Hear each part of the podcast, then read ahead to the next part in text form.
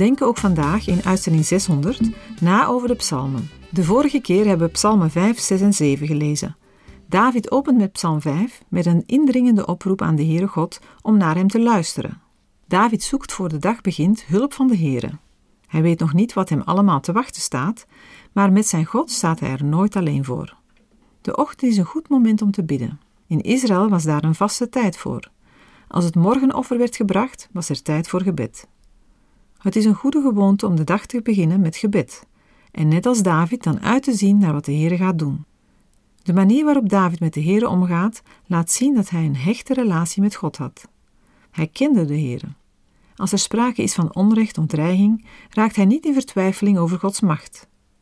David wordt ook niet moedeloos of bitter, maar hij brengt zijn zorgen bij de Heer in de verwachting dat de Heer luistert.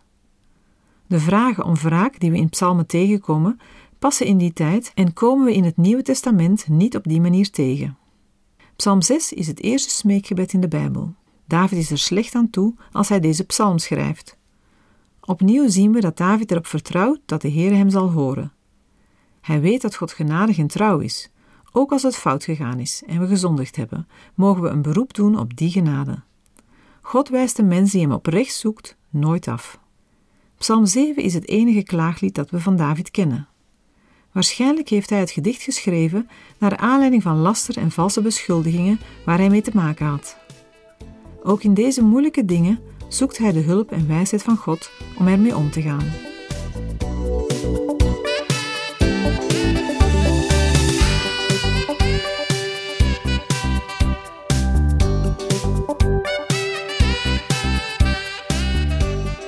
Psalm 8 is een loflied ter verheerlijking van de Heer als schepper en vormt een verwerking van de eerste hoofdstukken van het Bijbelboek Genesis.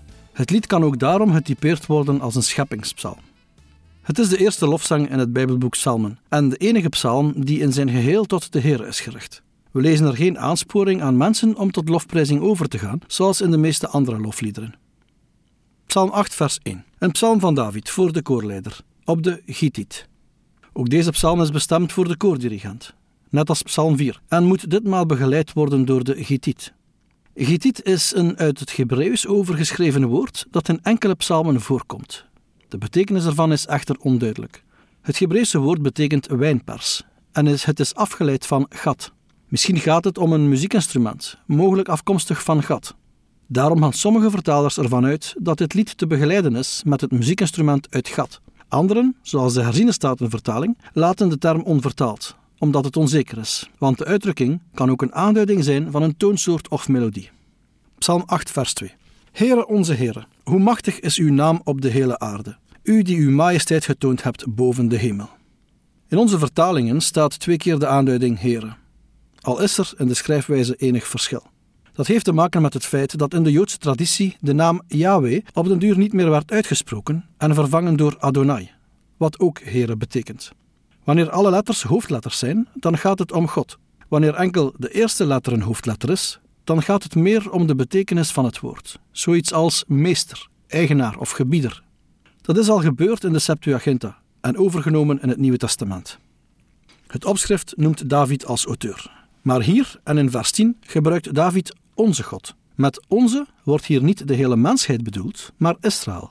Hetzelfde vinden we in Nehemia 10, vers 30, waar we lezen dat het volk Israël trouw belooft aan de Heer. Met andere woorden, de Heer wordt hier dus onze God genoemd, waarmee zijn positie van eigenaar, heerser en gebieder wordt aangegeven. Met Gods naam bedoelt de schrijver hier de manier waarop hij zich bekend heeft gemaakt en door mensen kan worden aangesproken. De naam en de drager horen namelijk bij elkaar. Het gaat hier over Gods openbaring in woord en daad, waardoor hij zijn naam bekend maakt. Naarmate we verder gaan in Gods woord, zullen we zien dat die naam onder andere heerlijk, indrukwekkend en geweldig is. Ik geef een paar voorbeelden. Psalm 76, vers 5. U bent schitterender en machtiger dan de roofzuchtige bergen. Psalm 93, vers 4. De Heere in de hoge is machtiger dan het bruisen van machtige wateren, de machtige golven van de zee. Psalm 136, vers 18. Want zijn goedertierenheid is voor eeuwig. Jesaja 33, vers 21. Want de Heere zal daar in zijn macht bij ons zijn. Het zal een plaats van rivieren van brede stromen zijn. Geen roeiboot zal erop varen. Geen statig schip zal er passeren. Gods naam is zichtbaar in heel de schepping en vooral in de majesteit en heerlijkheid van het heelal. Dit aspect zal verderop in de psalm concreter naar voren komen, in de maan en de sterren, maar ook andere boeken spreken ervan. In Psalm 19, vers 2 wordt gezegd: De hemel vertelt Gods eer, het gewelf verkondigt het werk van zijn handen. De profeet Jezaja vraagt in Jezaja 40, vers 21 aan het volk Israël: Weet u het niet? Hoort u het niet? Is het u vanaf het begin niet bekend gemaakt? Hebt u niet gelet op de fundamenten van de aarde? In Romeinen 1, vers 20 staat: Want de dingen van hem die onzichtbaar zijn, worden sinds de schepping van de wereld uit zijn werken gekend en doorzien. Namelijk en zijn eeuwige kracht en zijn goddelijkheid, zodat zij niet te verontschuldigen zijn. Ieder mens kan weten dat God er moet zijn. Dagelijks lopen wij over en in zijn schepping. We kunnen het ook iedere dag weer zien, als de Heer bijvoorbeeld de zon laat opgaan. Wij zelf, de mensen, zijn het werk van zijn handen. Een groter verdriet kan een schepsel zijn of haar maker niet aandoen dan door te zeggen dat hij niet bestaat. De psalmist weet wie de schepper is en looft hem daarom. Dat mogen wij ook doen. Psalm 8, vers 3. Uit de mond van kleine kinderen en zuigelingen hebt u een sterk fundament gelegd, omwille van uw tegenstanders, om de vijand en wraakzuchtige te laten ophouden. Van de grootsheid van het heelal maakt de dichter een grote overgang naar kleine kinderen. Het gebrabbel van kleine kinderen is al een bewijs van Gods scheppingsmacht. De tegenstanders, de wraakzuchtige vijanden, niet alleen van David, maar ook van de Heere, verstommen hierdoor en moeten zwijgen. Zo komt naar voren dat het zwakke van God sterker is dan welke aardse macht ook. We hebben net hetzelfde gelezen in het Nieuwe Testament. In 1 Korinthe 1 vers 27, waar staat: Maar het dwaze van de wereld heeft God uitverkoren, om de wijzen te beschamen. En het zwakke van de wereld heeft God uitverkoren om het sterke te beschamen. Psalm 8, vers 4. Als ik uw hemel zie, het werk van uw vingers, de maan en de sterren, die u hun plaats gegeven hebt. Opnieuw wordt de blik naar de hemel gericht. Het overweldigende heelal is door Gods vingers gemaakt. Meestal worden van de Heere zijn arm en handen genoemd, maar hier worden zijn vingers genoemd. Waarschijnlijk wordt hiermee benadrukt dat niet enkel de grote dingen, maar ook de kleine details door hem gemaakt zijn. De dichter ziet de maan en de sterren, terwijl de zon niet wordt genoemd. Deze constatering maakt het waarschijnlijk dat Psalm 8 s'nachts is ontstaan en of was bedoeld voor de nachtelijke liturgie, zoals bij de viering van het Pascha. Aan de nachtelijke hemel zijn, naast de maan, ook de sterren te zien in een ontelbare hoeveelheid. De Heere heeft ze hun plaats gegeven. En sterker nog, in Psalm 147, vers 4 staat: Hij telt het aantal sterren, hij noemt ze alle bij hun naam. Psalm 8, vers 5. Wat is dan de sterveling dat u aan hem denkt, en de mensenzoon dat u naar hem omziet? Bij het kijken naar de sterrenhemel krijgt een mens het gevoel nietig en klein te zijn. Jesaja 40 geeft aan dat de volken niet meer dan een stofje zijn en nietig in vergelijking met het heelal. In Psalm 8 zien we dat juist bij deze vragen de verwondering ontstaat over de Heer, die voor nietige mensenkinderen zorgt en naar hen omziet. Wat een wonder van goedheid dat deze grote God zich met ons mensen wil bemoeien. Een soortgelijke vraag staat in Job 7 en 15, als ook in Psalm 144. Maar in een andere context.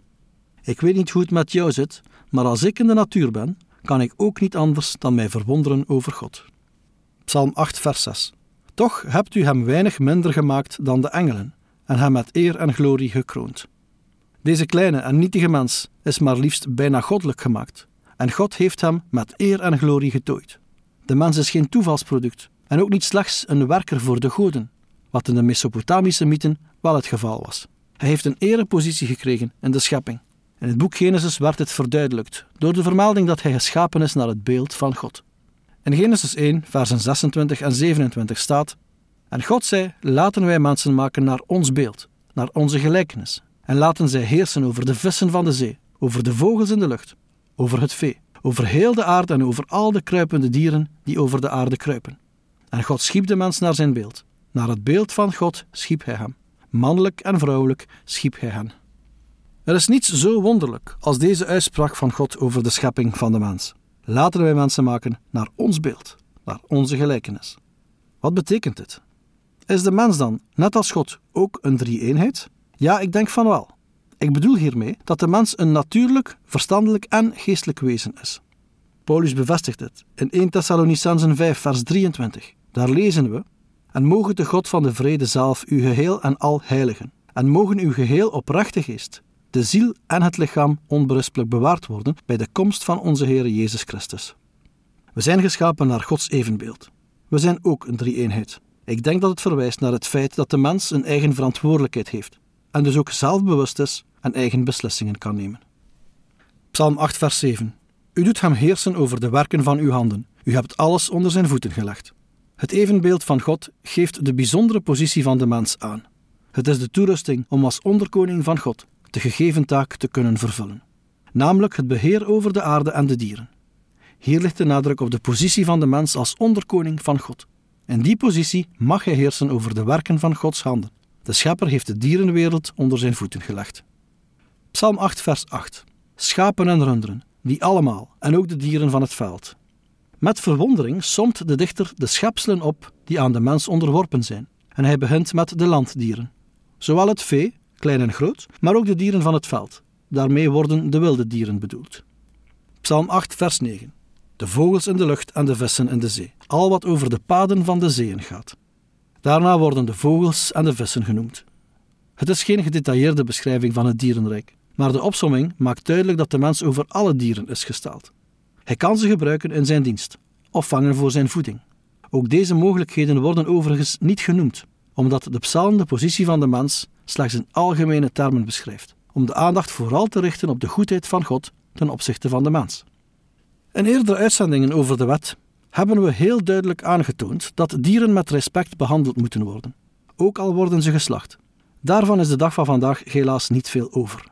De positie van heerser over de dieren en de schepping, zoals God bedoeld heeft, werd en wordt dikwijls misbruikt, met alle gevolgen van dien voor onze planeet en onze gezondheid. Psalm 8, vers 10. Heere, onze Heere, hoe machtig is uw naam op de hele aarde. Met woorden die gelijk zijn aan het begin van de psalm sluit het lied af. De schepping en de positie van de mens leiden tot de herhaalde lofprijzing van de naam van de Heere op de ganse aarde.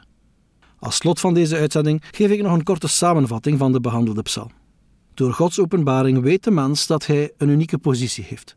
De inhoud van de psalm heeft betrekking op het heden van de dichter en sluit aan bij Genesis 1. Het is waar dat de positie van de mens ontluisterd is door zonde, maar dat komt hier niet direct naar voren. Indirect blijkt dat wel in de benaming sterveling en uit het feit dat er vijanden zijn. De menselijke ongehoorzaamheid maakte de heerschappij van de mens over de dierenwereld niet ongedaan. Ook het beeld van God zijn wordt daarna nog genoemd. De psalm laat ook het toekomstperspectief achterwege en concentreert zich op het heden, evenals het geval is in Job 39 tot en met 41 en Psalm 104. De bijzondere positie van de mens als schepsel en heerser, beheerder, is in verband met allerlei hedendaagse filosofieën en godsdiensten van groot belang. Ook is het van belang dat de mens zijn positie als onderkoning goed uitvoert, wat onverenigbaar is met de hedendaagse uitbuiting van de natuur. Ten slotte is het ook van belang dat we Gods werk zien in schepping en onderhouding van zijn wereld, tot in de aanwezigheid van kinderen en zuigelingen, en dat we alles laten uitlopen op de majesteit en glorie van zijn naam. In het Nieuwe Testament haalt Jezus in Matthäus 21, vers 16, Psalm 8, vers 3 aan. Daar zegt hij: Hebt u nooit gelezen, uit de mond van jonge kinderen en van zuigelingen, hebt u voor uzelf lof tot stand gebracht? Dit gebeurt in een confrontatie met de leidende priesters en bijbelgeleerden, die de kinderen hun lofprijzing in de tempel kwalijk nemen.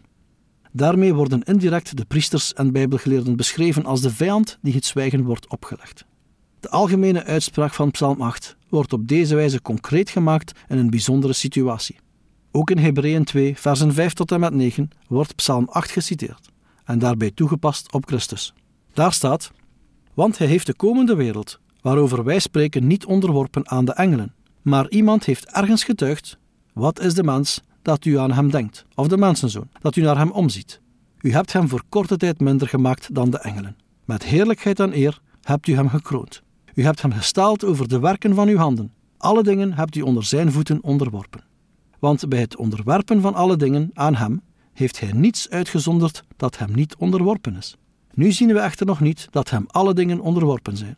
Maar wij zien Jezus met heerlijkheid en eer gekroond, die voor korte tijd minder dan de engelen geworden was, vanwege het lijden van de dood, opdat hij door de genade van God voor allen de dood zou proeven. De mensenzoon is voor korte tijd beneden de engelen gesteld, vanwege het lijden en sterven, maar daarna met heerlijkheid en eer gekroond. Alle dingen zijn hem onderworpen. Al zien wij dat nu nog niet.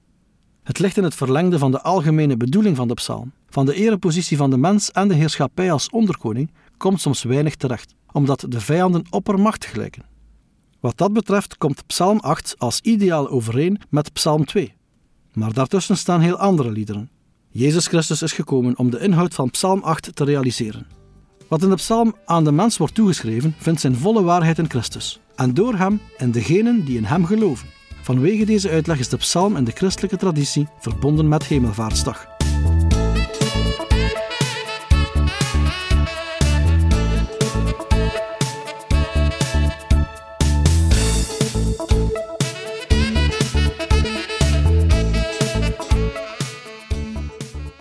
Geluisterd naar Door de Bijbel, een programma waarin we in vijf jaar tijd de ganse Bijbel bespreken.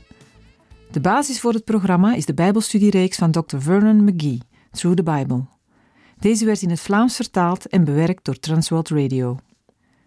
U kan elke werkdag naar een nieuwe uitzending luisteren en u kan ook steeds voorbije uitzendingen opnieuw beluisteren of downloaden. Als u wilt reageren op deze uitzending of u heeft vragen, dan kunt u uiteraard contact met ons opnemen. U kan een e-mail sturen naar doordebijbel.twr.be. Verder kan u op onze site terecht, www.twr.be, voor meer info en het beluisteren van onze overige programma's. Dit programma werd gepresenteerd door Patrick Couchement en Anne Notenboom. Wij danken u voor het luisteren en graag tot een volgende keer.